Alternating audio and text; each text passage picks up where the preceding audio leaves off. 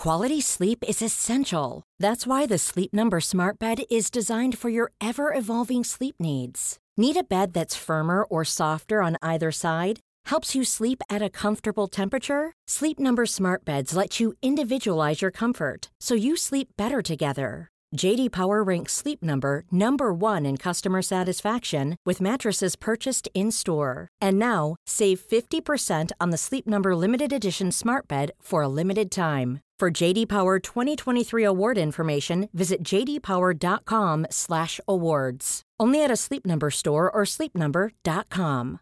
Cool fact a crocodile can't stick out its tongue. Also, you can get health insurance for a month or just under a year in some states. United Healthcare short term insurance plans, underwritten by Golden Rule Insurance Company, offer flexible, budget friendly coverage for you. Learn more at uh1.com. Hold up. What was that? Boring. No flavor. That was as bad as those leftovers you ate all week. Kiki Palmer here, and it's time to say hello to something fresh and guilt-free. Hello Fresh. Jazz up dinner with pecan-crusted chicken or garlic butter shrimp scampi. Now that's music to my mouth. Hello Fresh. Let's get this dinner party started. Discover all the delicious possibilities at hellofresh.com.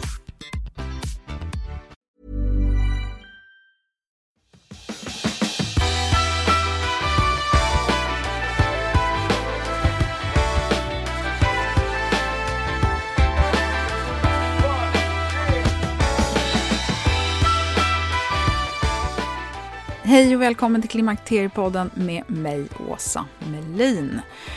Jag tycker det är extra kul när en läkare och forskare är lite frispråkig. Men det är inte så lätt att få tag på dem.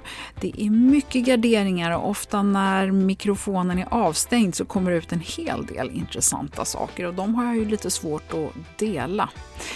Det är därför extra spännande när någon inte alltid helgarderar sig utan vågar stå lite för sina egna åsikter och kanske tolkar en del av ren erfarenhet. Inte bara för att en välgjord studie ligger till grund för det man säger. Och ofta så är det ju så att man som individ har en egen övertygelse om vad som är rätt för just dig. Och det tycker jag är supervettigt. För det här med magkänsla, det är ju ett bra ord. För du är trots allt den enda som eh, lever med dig själv hela tiden. Så det är ju också så med mycket av det här med forskningen att det går ju att visa nästan vad som helst. Så det kan ju vara bra ibland att fundera på vem som finansierat eller beställt en viss studie eller hur den är gjord. Och det framgår faktiskt om man orkar ta sig in på till exempel PubMed eller någon av de här andra stora databaserna där olika studier är publicerade. Så det kan jag faktiskt tipsa om. Men här i avsnittet så är det så vitt jag kan bedöma trovärdig oberoende forskning rakt igenom som förmedlas. Även om professor Fredrik Nyström är ganska frispråkig. På klimakteriepodden.se hittar du länkar till några av de här studierna som Fredrik Nyström hänvisar till. Och i avsnitt 171 så kan du höra honom tala om ämnesomsättning, vilket är ett riktigt bra och uppskattat avsnitt. Men nu kör vi på med det metabola syndromet. En lång och intressant del av testosteron kommer också här i slutet. Så jag är säker på att du inte vill missa den, så lyssna hela vägen. Välkommen!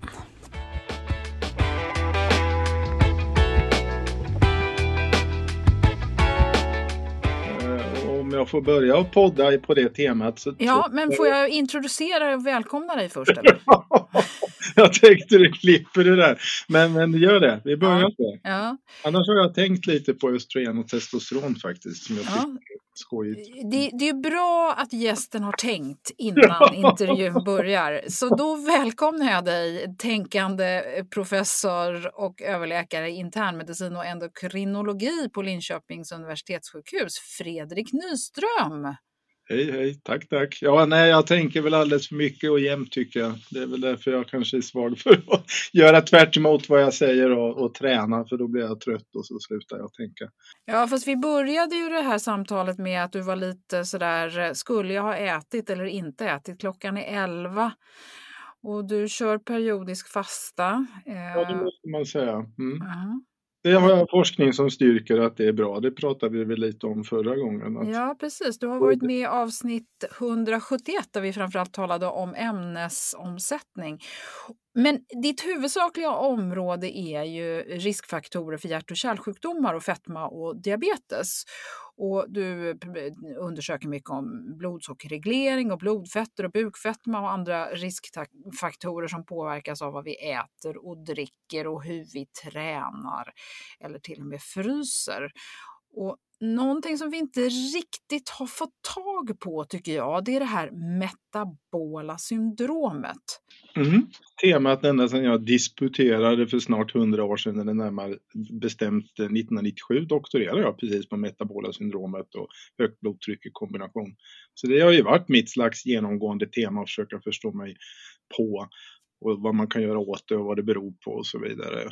Och, eh, jag kan ju kort säga vad det är för något. Det är ju så det brukar kallas. Det är ett väldigt svamligt uttryck tycker jag vetenskapligt och innan dess hette det till och med syndrom X vilket gör möjligt är ännu svamligare.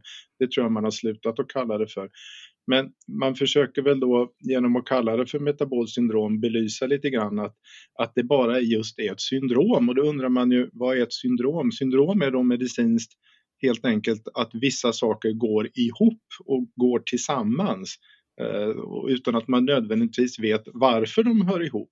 Och i metabolsyndrom är då de saker som går tillsammans och hör ihop, det är eh, att man är fet i regel eller åtminstone överviktig och att man då framför allt brukar ha den fettväv som man lagt på sig inuti magen och på magen då, alltså bukfetma är det mycket mer det är fråga om än att det är kvinnlig klassisk fetma där det sitter på höfter och lår. Då. Det brukar nog vara grunden i det metabola syndromet att man får lite för mycket fettväv inuti magen och på magen. Då. Och sen av det följer på ett eller annat sätt som vi inte exakt vet, men då följer de andra komponenterna som brukar vara förhöjt blodtryck, dåliga blodfetter och ett lätt förhöjt blodsocker. Och det här blodsockret hör ihop då med att kroppen av den här fetman blir okänslig för insulin så att en del får inte så högt blodsocker därför att de är så duktiga på att producera höga mängder, höga halter av insulin så att det kompenserar för att kroppen är okänslig för insulinet. Så diabetesen, det höga blodsockret, brukar uppstå efter en tid i det metabola syndromet när betacellerna i bukspottkörteln inte orkar hålla uppe så höga insulinnivåer längre. Och det här brukar då kallas för insulinresistens, alltså att man är okänslig för sitt eget insulin. Och det är nog egentligen den bakomliggande faktorn i hela metabola syndromet. Det har jag skrivit medicinska läroböcker i just och försökt förklara då för, för läkarstudenter bland annat att eh, det har man väldigt mycket indirekta bevis för att det är så. För det finns andra tillstånd när man är insulinresistent och då uppstår också alla komponenterna metabolt syndrom faktiskt. Så det är nog själva grunden. Men i sin tur återigen då, så rent kliniskt praktiskt så kopplar det väldigt starkt till lite för mycket fettväv inuti magen och som också då syns utanpå magen. Men vad spelar det för roll att man eh, tappar känsligheten för sitt insulin då? Ja, det blir ett långt medicinsvar på det. Men lite kort då. Eh, så de här andra komponenterna som är farliga då är ju högt blodtryck till exempel. Och då är det nog helt enkelt som så att man behåller sin känslighet för insulinets saltsparande effekter. För det kan man visa väldigt enkelt på människa. Om man höjer insulindoserna och halterna i kroppen då slutar man att kissa ur sig lika mycket salt som man gjorde innan man höjde insulinet. Så salt sparas på något sätt av insulin. Det kan man visa på människor och i experiment. Alltså att sparar man på sig salt så sparar man på sig vatten och då stiger faktiskt blodtrycket efterhand på det. Då. Så det, det är farligt att ha högt insulin i det avseendet att det verkar höja blodtrycket. Då. Och sen är det ännu lite krångligare då, men insulin styr ju mm, eh, fett fettomsättningen i kroppen, kolesterolomsättning och även sockeromsättning. Då. Men det styr liksom egentligen alla energiströmmar som är viktiga i kroppen regleras i stor utsträckning av just insulin.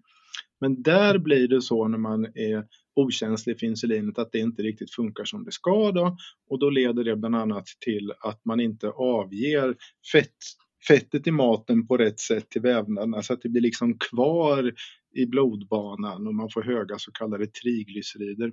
kan man till exempel säga lite förenklat. Så att även fettomsättningen och kolesterolomsättningen påverkas då på ett olämpligt sätt när man blir okänslig för insulin.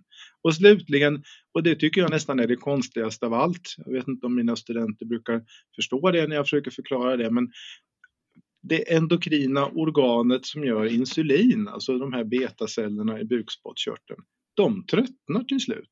Och det är ju så konstigt. Jag vet inget annat endokrint organ som tröttnar och bara blir utbränt. Men det blir betacellerna och då, i bukspottkörteln och då får man ju höga blodsocker till slut när inte de orkar göra så här mycket insulin som de skulle behöva göra. Och, och, till slut så kan de lägga av nästan helt så att man har väldigt dålig insulinproduktion och då förstås behöver insulinbehandling när man har fått sin typ 2-diabetes. Och, och, och varför är det farligt då så att säga att få diabetes typ 2? Ja, det är också en väldigt bra fråga för att det är ju inte så mycket sockret eftersom att få diabetes typ 2 då har man i princip alltid ett metabolt syndrom i botten och då har man ju alla de här komponenterna har man liksom utsatts för som finns i det metabola syndromet som ledde till insulinkänsligheten och som i sin insulinkänslighetsminskningen och sin tur till diabetes. Så att man har ju redan dåliga blodfetter, fetter, man har en viss grad av övervikt eller fetma, man har högt blodtryck och sen till slut får man också högt blodsocker. Så det höga blodsockret går ju ihop med en massa andra farligheter. Idag brukar man också ta upp det här att man i regel också har någon slags inflammation som är låggradig i både blodkärl och i fettväven som inte är så nyttig att ha. Det är nog också en viktig komponent som vi dock inte vet exakt så mycket om och hur den ska behandlas. Men man har liksom en låggradig inflammation, man har lite för höga socker, man har lite dåliga blodfetter, man har lite olämplig fetma och man har lite för högt blodtryck. Och alla de här olika riskerna adderar sig till varandra och då får man till slut ökad risk för, för i första hand faktiskt hjärtinfarkt. Men sockret kan ju också skada njurarna så att du kan få en njurskada på det här. Och sockret kan ju skada nerverna till slut så att man får dålig känsel i fötterna och så vidare. Så det är väldigt komplicerat tillstånd egentligen och jag jobbar faktiskt därmed på en vårdcentral numera för de här patienterna sköts ju på vårdcentralen. Mm. Du, eh, hur vet man att man börjar hamna i den här onda cirkeln då? För det verkar ju som att det trots allt tar ett tag innan det börjar eh, bli illa det här.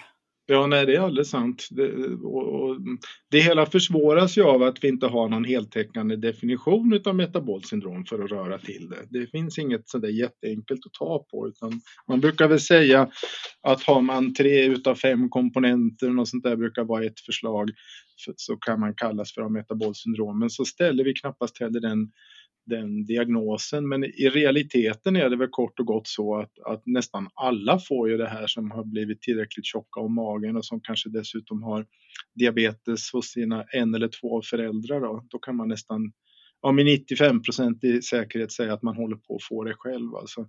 Sen vill jag väl påstå att kliniskt så är det ju liksom så. Hittar man till exempel den här typiska blodfettsbilden med höga triglycerider och lågt utav det nyttiga HDL-kolesterolet Eh, samt börjar bli tjock om magen, då, då har det hittills varit sant att ja, förr eller senare så kommer man få högt blodtryck och diabetes också. Det, det, är bara en tidsfråga. Men det kan ta decennier då. Men enklast är väl att titta lite i sin släkt och sen ha lite koll på hur stor mage man har. Ett kort svar. Sen kan man ju mäta insulinnivåerna men det är väldigt få som använder sig av det. Men det är annars ett ganska känt, känsligt sätt att fånga in det här på. Det är att mäta hur högt insulin har man i sin kropp. Men insulinet går ju väldigt upp och ner. Eh. Med vår nuvarande labbmetod mäter insulin på folk så kan man hos en som både har, ätit något sött och insulinresistent, då kan vi liksom ha värden på tusen när man ska ligga på 10 normalt. Så stora skillnader blir det. Så det är precis sant som du säger. Och det är nog därför som, som folk inte kliniskt använder in, insulinmåttet så ofta. För det räcker att man bara har druckit en klunk juice en kvart innan så så går det inte att lita på värdena för de stiger så kraftigt. Insulin är flaxigt så man måste ta det standardiserat fastande och verkligen veta att det inte ens var en sockerbit i kaffet för då, då kanske det är dubbelt så högt som det skulle varit utan sockerbiten. Precis så känsligt är det. Mm. Du, eh, om vi kommer tillbaka till det här med vikten då. För många kvinnor, eller jag vågar ju säga i princip de flesta, går ju upp i vikt kring klimakteriet och ofta så är det ju just runt midjan det här sätter sig.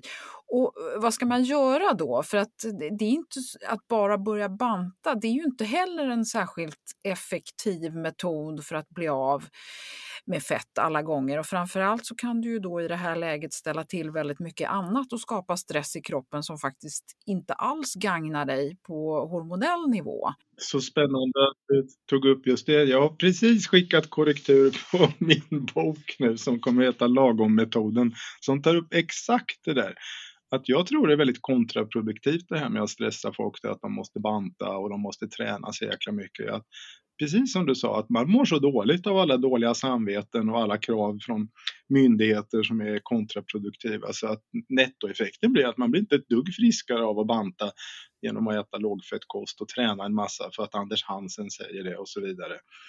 Eh, statistiskt sett så är det ju faktiskt bra att vara överviktig när man är medelålders. Det, det tycker jag är väldigt viktigt att framhålla om man ska se det rent hälsohänseende. Ett BMI runt 28 eller kanske till och med ännu högre är bättre än att ha ett BMI under 25 när man är medelålders i Sverige. Det, det, tycker jag är viktigt att ta fram. Så man ska väl tänka i sånt fall på, vill man banta bara för att det är kosmetiskt och för man vill se ut på ett visst sätt? Och då kanske man får vara beredd att ta att det inte är så himla bra för kroppen och för, för, för överlevnaden statistiskt sett. Eh, för att annars är det faktiskt ganska bra att vara lite rund rent statistiskt i Sverige. Jo, men hur går det ihop då med det här insulinet och den här metabola syndromet då? Ja, det är det vi inte riktigt fattar.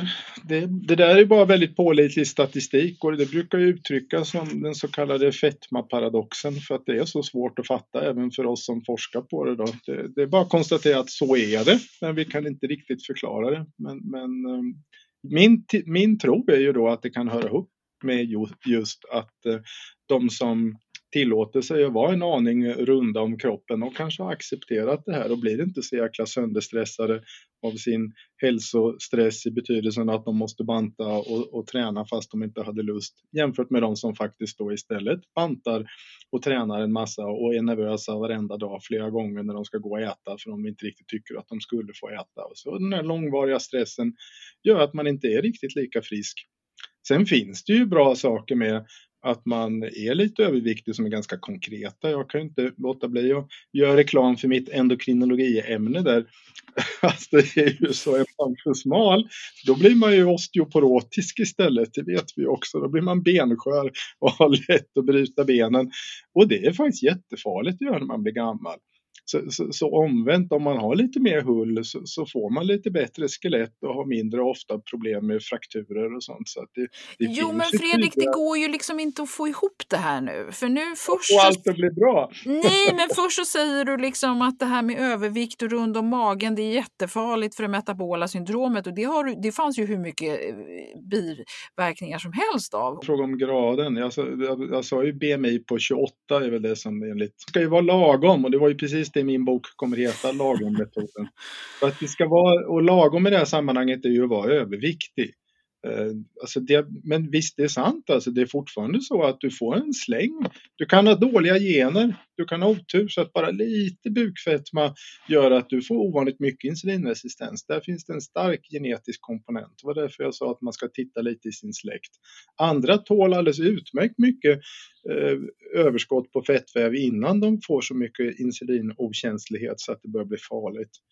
Eh, så det är, en, det är en gradfråga, men det konstiga och det är det som är fetmaparadoxen är ju att det ändå kan i många sammanhang vara så att, att nyttan överväger riskerna ända upp till lätt fetma, alltså när man är medelålders. Men nu har ju covid kommit in i det hela. Då har det ju plötsligt blivit väldigt tydligt att där är ju fetma en ganska kraftig riskfaktor för att du inte tål din covid särskilt bra. Så det är massor med faktorer att väga in när man ska försöka att leva så länge som möjligt och vara frisk så länge som möjligt. Men hur som helst, lite övervikt i medelåldern, det är verkligen rent statistiskt för det mesta bara bra. Så den lilla graden av insulinokänslighet, den verkar man tåla utan vidare.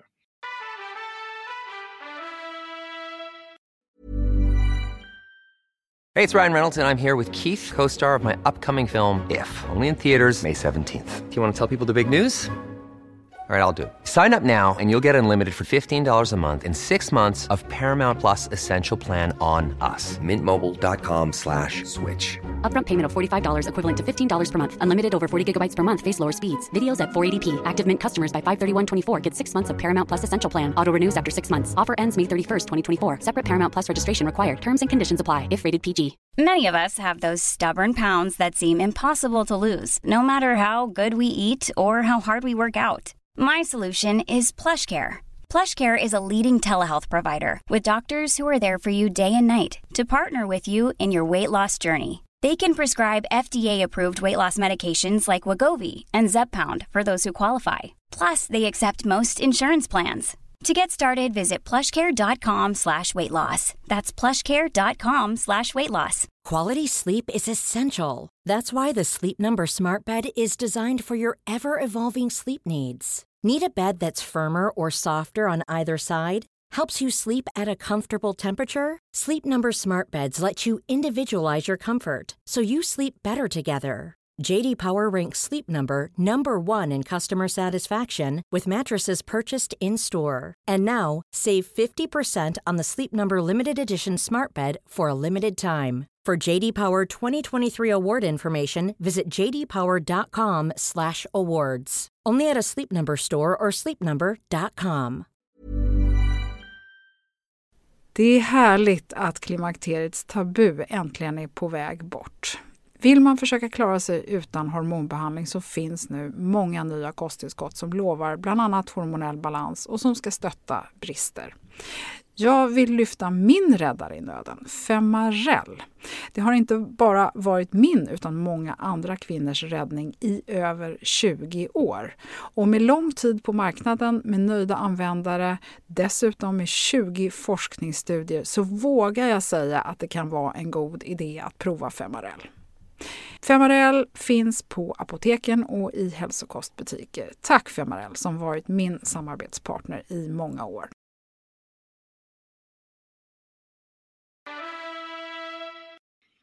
Om jag då som eh, amatördoktor, då, vad jag hör dig säga nu, då hör jag att jag ska väga lite mer än vad jag eh, kanske tycker själv är, eller vad samhället accepterar. Men jag ska se till att jag inte har ett flaxande blodsocker, det vill säga att jag ska äta sällan. Och då tänker jag genast på det här med ätfönster och periodisk fasta och sånt där. Tänker jag rätt här nu doktorn? Ja, du tänker rätt i en del avseenden, men inte riktigt så att allt det där hör ihop på en gång. Alltså att ha ett, ett stort ätfönster och alltså periodisk fasta, det har ju mer fördelen. Dels brukar jag bara säga att det är ju fysiologiskt, liksom, vi är ju gjorda för det. Så av någon anledning är väl det bra för oss. Jag menar, det enklaste exemplet är ju att vi har en gallblåsa. Vi skulle inte ha en gallblåsa om det inte var meningen att vi ska klara oss länge utan mat och sen samlar vi våran galla i en blåsa och sen så ska vi gärna äta mycket fett och protein då plötsligt för då behövs gallblåsan för den används ju gallan används ju till att lösa upp fettet då. så att jag tycker det är ett väldigt bra bevis på att det där är vi gjorda för liksom. Eh, så, så, så, på något sätt är ju våran, det är evolutionärt så att det fanns mat i perioder och då åt man till den tog slut och sen så skulle man klara sig däremellan. Så det är ju bara på något sätt naturligt men anledningen till att man ska försöka återställa det nu det är ju snarare det att energiförbrukningen när man äter den blir ju större om man äter stora måltider med långa mellanrum. Plus att det är också som du säger, det, kan, det vet vi inte säkert, men har du ett långt mellanrum när du inte äter, då har du ett väldigt stabilt och lågt blodsocker däremellan. Det är möjligt att det också är viktigt. Men att gå och småäta, som Livsmedelsverket tycker att man ska göra med kolhydrater, då blir ju sockret mer flaxigt, visst är det så?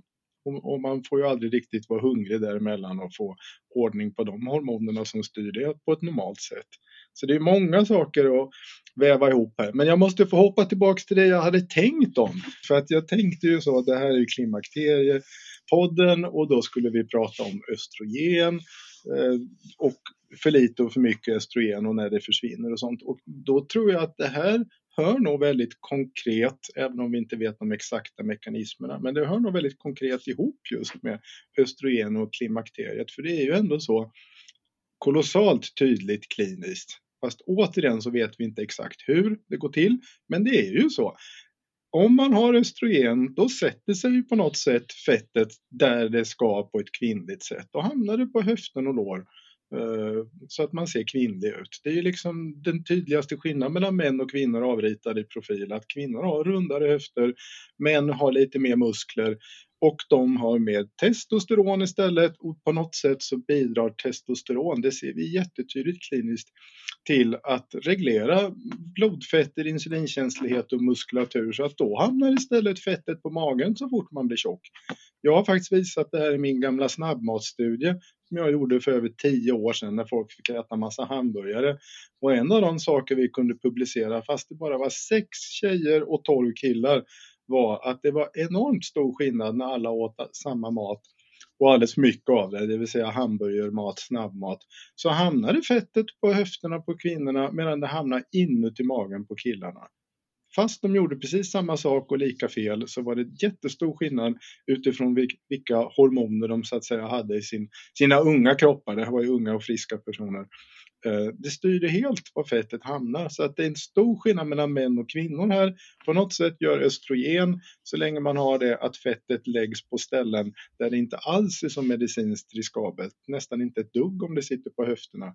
Medan om man har testosteronöverskott så hamnar det istället precis på fel ställe, inne i magen och till och med inne i levern. Men Fredrik, då får inte jag ihop det med när vi kvinnor då tappar vårt östrogen. Det är ju inte så att vårt testosteron åker i höjden. Antagligen är det här kvoter liksom. De motverkar varandra när de simmar runt i blodet i det här avseendet. Så att om testosteron är bara ungefär samma men östrogen sjunker så blir det ändå en relativ stegring av testosteron i förhållande till östrogen. Så får man nog tänka sig. Men du, det är också spännande för att en del säger ju att testosteronet är med och reglerar vikten eller ämnesomsättningen. det vet du fasen om jag tror på. Alltså det gör det ju bara indirekt, för, för det är alldeles klart. Jag menar, Eh, ämnesomsättningen i vila styrs så att säga eller kopplar till 90 procent faktiskt till muskelmassan man har. Så enkelt är det. Det har jag också visat i en annan studie. Kan man höja muskelmassan så kostar energiförbrukningen mer i kroppen. Det kostar att ha muskler, så har man mycket muskler... Okej, okay, så, så då tänker man så här, okej, okay, testosteronet i sig kan gagna oss kvinnor. Om vi glömmer hela den sexuella biten så kan det gagna oss att bygga muskler, vilket i sin tur kan höja ämnesomsättningen. Men samtidigt så kanske vi riskerar att få Mer metabolt syndrom. Alldeles ja, precis. eller att det liksom blir värre då, magfettet. Ja, ja, absolut. Nej, alltså testosteron är ett ganska dumt hormon om man vill leva länge och vara frisk. Jag sitter och hetsar upp mig över alla de här som ska höja sina testosteronnivåer och till och med nu få läkemedel för det. Har ju börjat bli ganska populärt bland karar som anses ska ha sina klimakterier. Då. Jag försöker att varna så mycket jag kan för det för att eh, det, då ska man verkligen vara medveten om hur farligt det är att artificiellt höja sina testosteronnivåer när man är gammal. Man blir snygg, får mer muskler, eh, och får upp metabolismen så man kanske smalnar. Det finns det massor med studier som visar att det ser väldigt mycket friskare ut när man får det. Testiklarna må bli, må bli små men man får ju andra tecken på att man har hög halt av testosteron just genom muskelmassa och att man då kan smalna. Men alltså blodfetterna går ju åt skogen det ser man ju direkt alltså. Man får jättetjockt blod, man får höga blodvärden. För det är också testo en stor del av skillnaden mellan att det är högre HB hos män än kvinnor, det är en direkt effekt utav testosteronet som höjer blodvärdet. Men då blir blodet konkret tjockare faktiskt. Så det kan bli så tjockt så att det kan ge proppar bara för att det är så mycket HB som en dopad idrottsperson. Och sen skumpar man blodfetterna också faktiskt. Man får mycket lägre av det nyttiga kolesterolet, när man, HDL-kolesterolet, när man höjer testosteron. Det har ju blivit väldigt populärt bland kvinnor att tänka att vi behöver testosteron. Ja. Eh, och framförallt i de här klimakterie, olika diskussionsforum som finns på sociala, nät, eh, eh sociala eh, medier. Hur, alltså du verkar ju vara ganska ganska negativ till det.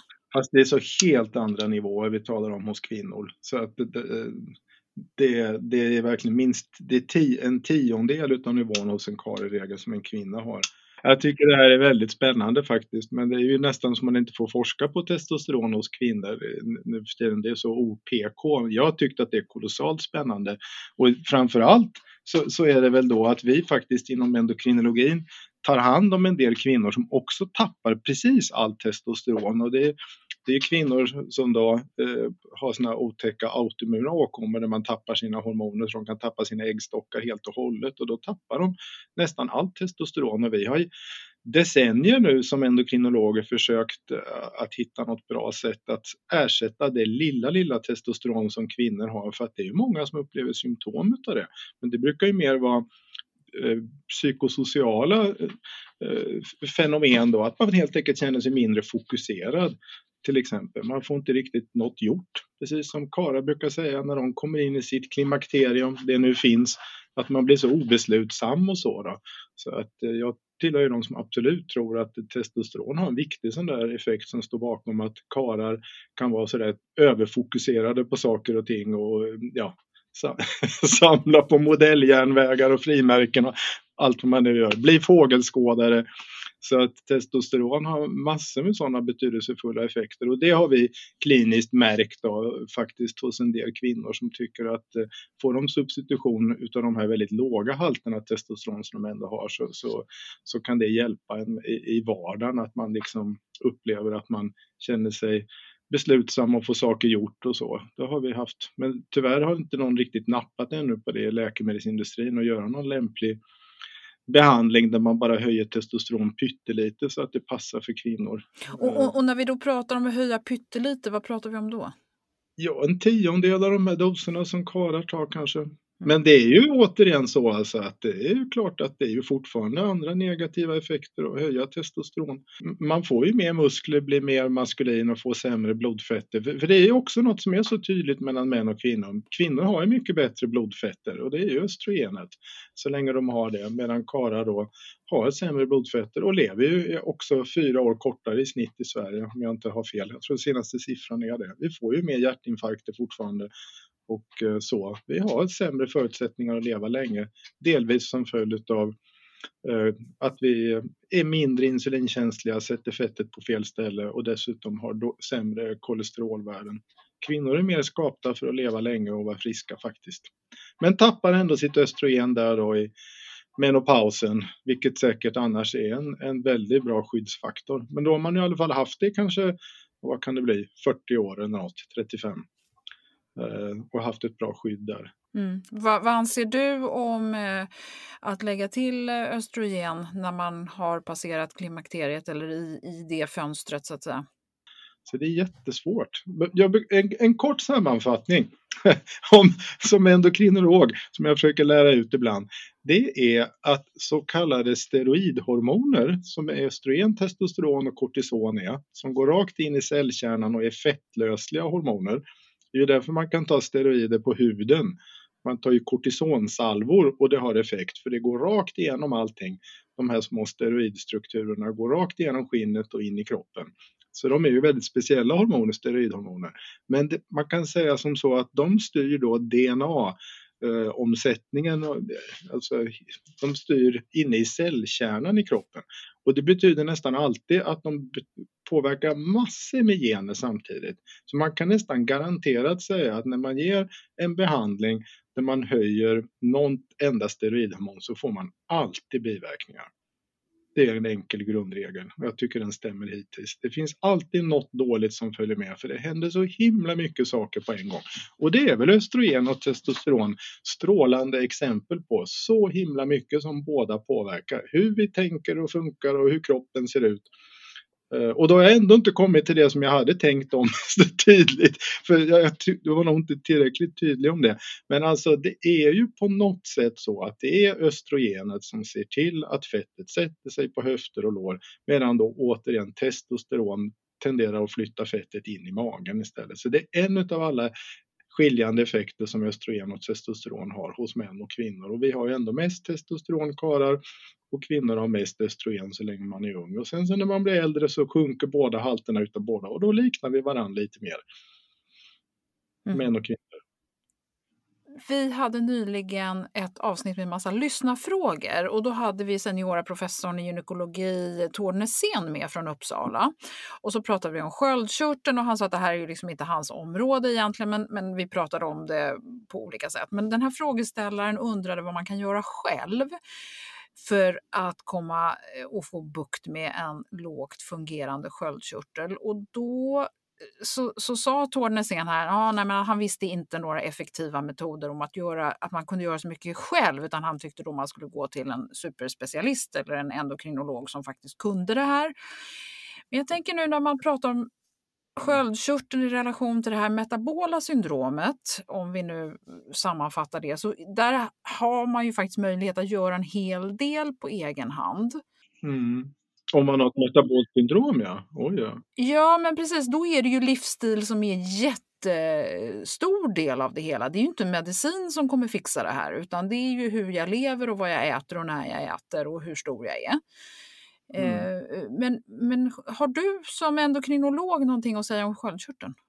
Ja, det är ju ett ganska snabbt och kort svar på det. Alltså det är jag vet inte, typ 90 procent av de som har låg ämnesomsättning i Sverige är ju kvinnor, så det är en kvinnosjukdom. Så det hör ju indirekt ihop faktiskt med det här andra spännande östrogen och testosteroneffekter. Alltså att eh, kvinnor har ju som vi sett nu i covid-sammanhang, det tycker jag man ska lyfta fram, ett klart bättre immunförsvar än männen. Men det är fyra gånger mer män än kvinnor som har dött i vissa åldrar i, i covid. Typ i medelåldern tror jag det var senaste statistiken var. Så kvinnor har ju ett bättre försvar kan man väl omvänt säga då mot sådana här förkylningsvirusar. Så det är ju sant det där gamla att karar blir sjuka när de blir förkylda.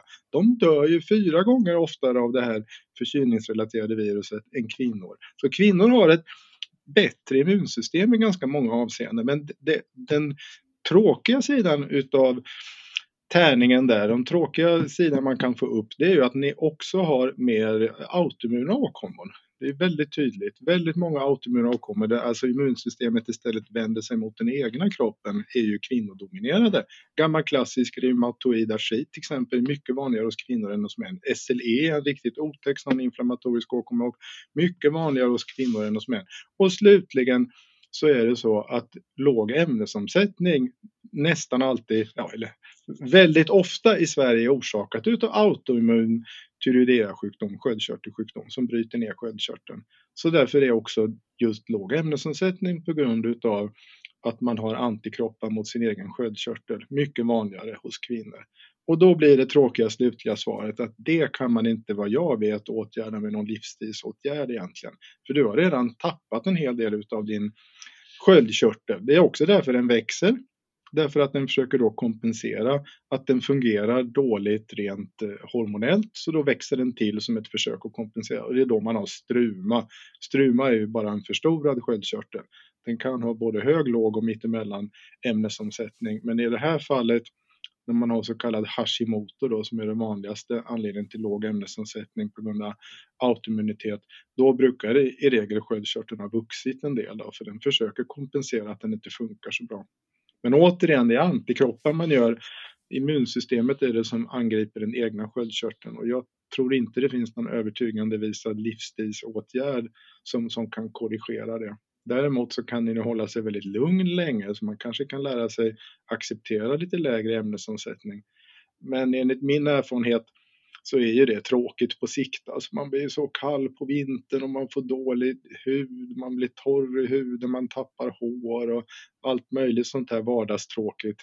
Och det är nog inte bra heller att ha låg ämnesomsättning utan man, man åldras lite i förtid då så att då gäller det att ta rätt halt utav vanligt sköldkörtelhormon, alltså Levaxin, som brukar kunna fixa till det här. Mm. Okay. Men där, där faller könshormonerna åt det andra hållet alltså. Att där är östrogen olämpligt får man väl säga lite förenklat för att eh, koppla till ett bra immunsystem som skyddar kanske mot virusar och sånt då till exempel men å andra sidan ökad risk för autoimmunitet istället. Alltså typiskt Hashimoto och reumatism och sådana åkommor som är mycket vanligare hos kvinnor än hos män. Mm. Så det är spännande med endokrinologi. Oh, herregud, alltså jag känner ju mer och mer att jag hade önskat att jag kunde få leva om mitt liv. Så, men jag är ju för gammal för att bli läkare nu, så nu får jag fortsätta med mitt hobbyläkeri och eh, ägna mig åt att prata med intressanta personer som, som är det ni är och har den här titeln. Jag är avundsjuk på dig Fredrik.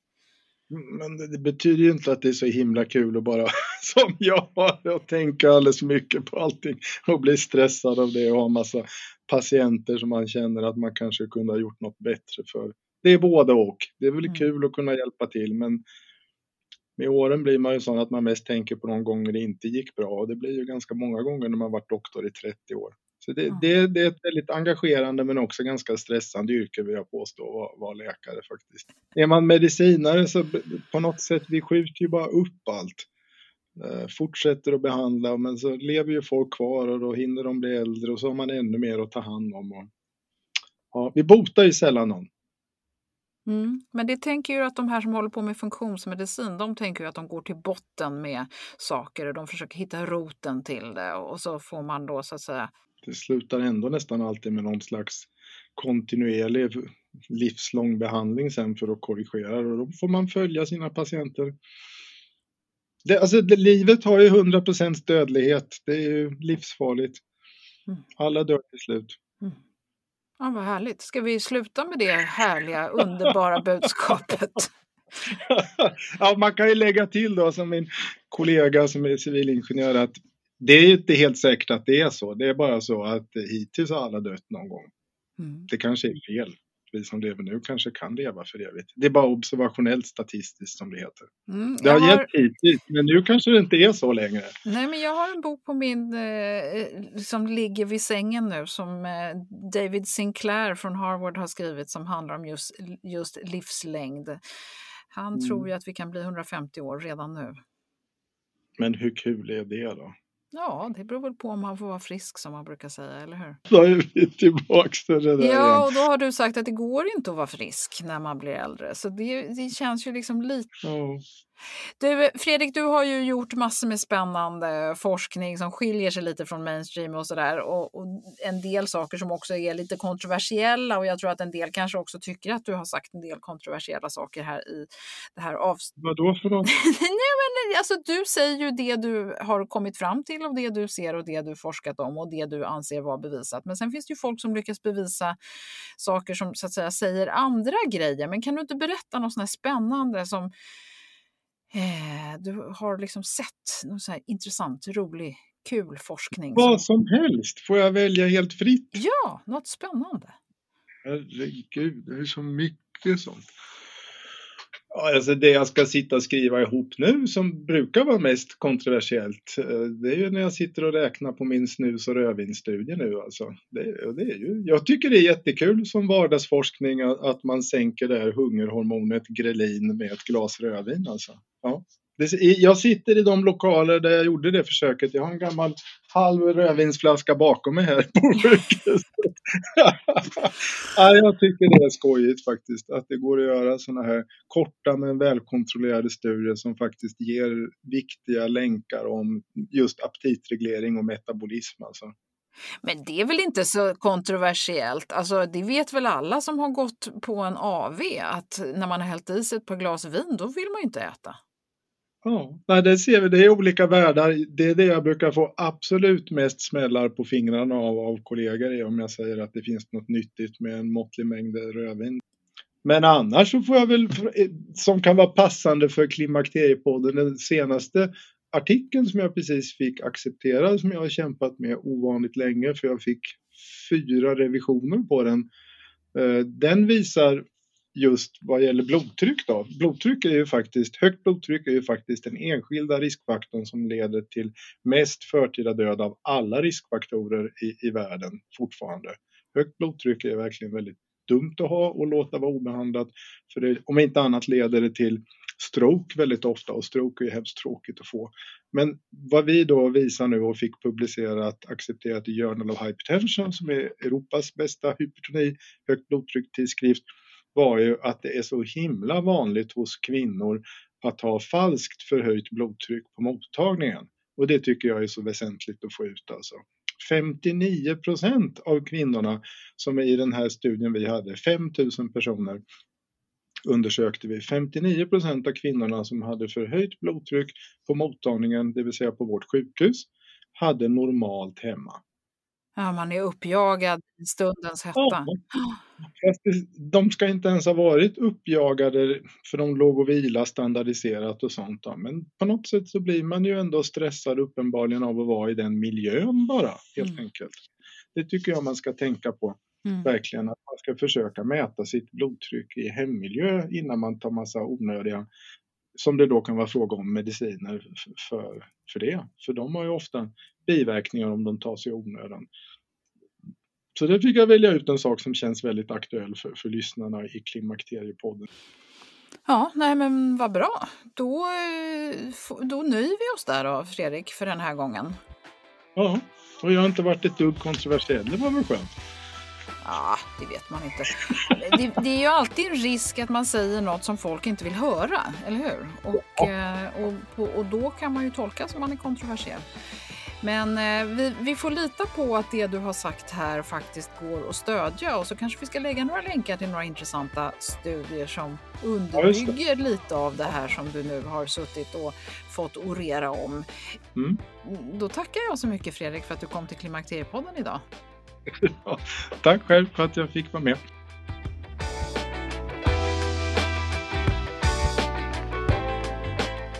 Som utlovat så finns det länkar till studier på klimakteriepodden.se och Klimakteriepoddens Facebook-sida.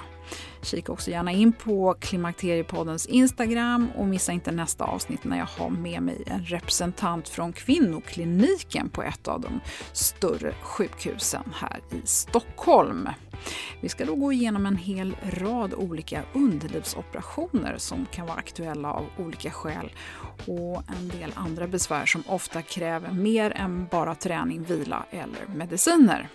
Och det kan vara relaterat till tidigare förlossningsskador men det finns mängder med olika saker som kan hända med våra otroliga underliv under livet. Så missa inte det! Tack för att du har lyssnat hela vägen och det uppskattar jag extra mycket eftersom jag kan bli lite frustrerad ibland av att en del frågor kommer med saker som vi precis har tagit upp eller som finns i avsnitt bara för att man inte lyssnat klart på hela avsnittet. Så då har man ju missat just det om man går och klurar på någonting. Men tack, tack, tack säger jag nu och hoppas du är med snart igen. Hej då!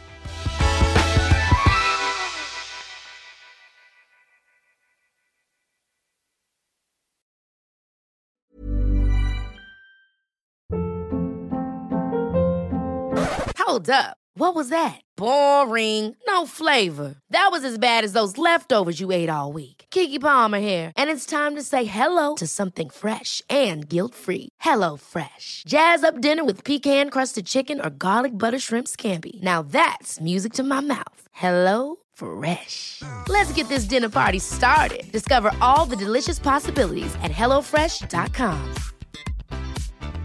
Hi, I'm Daniel, founder of Pretty Litter. Did you know cats tend to hide symptoms of sickness and pain? I learned this the hard way after losing my cat, Gingy. So I created Pretty Litter, a health monitoring litter that helps detect early signs of illness by changing colors, saving you money and potentially your cat's life. Pretty Litter is veterinarian developed, and it's the easiest way to keep tabs on your fur baby's health right at home. Go to prettylitter.com and use code ACAST for 20% off your first order and a free cat toy. Terms and conditions apply. See site for details. Imagine the softest sheets you've ever felt. Now imagine them getting even softer over time. That's what you'll feel with Bowl and Branch's organic cotton sheets. In a recent customer survey, 96% replied that Bowl and Branch sheets get softer with every wash. Start getting your best night's sleep in these sheets that get softer and softer for years to come. Try their sheets with a 30-night guarantee. Plus, get 15% off your first order at bowlandbranch.com. Code BUTTERY. Exclusions apply. See site for details.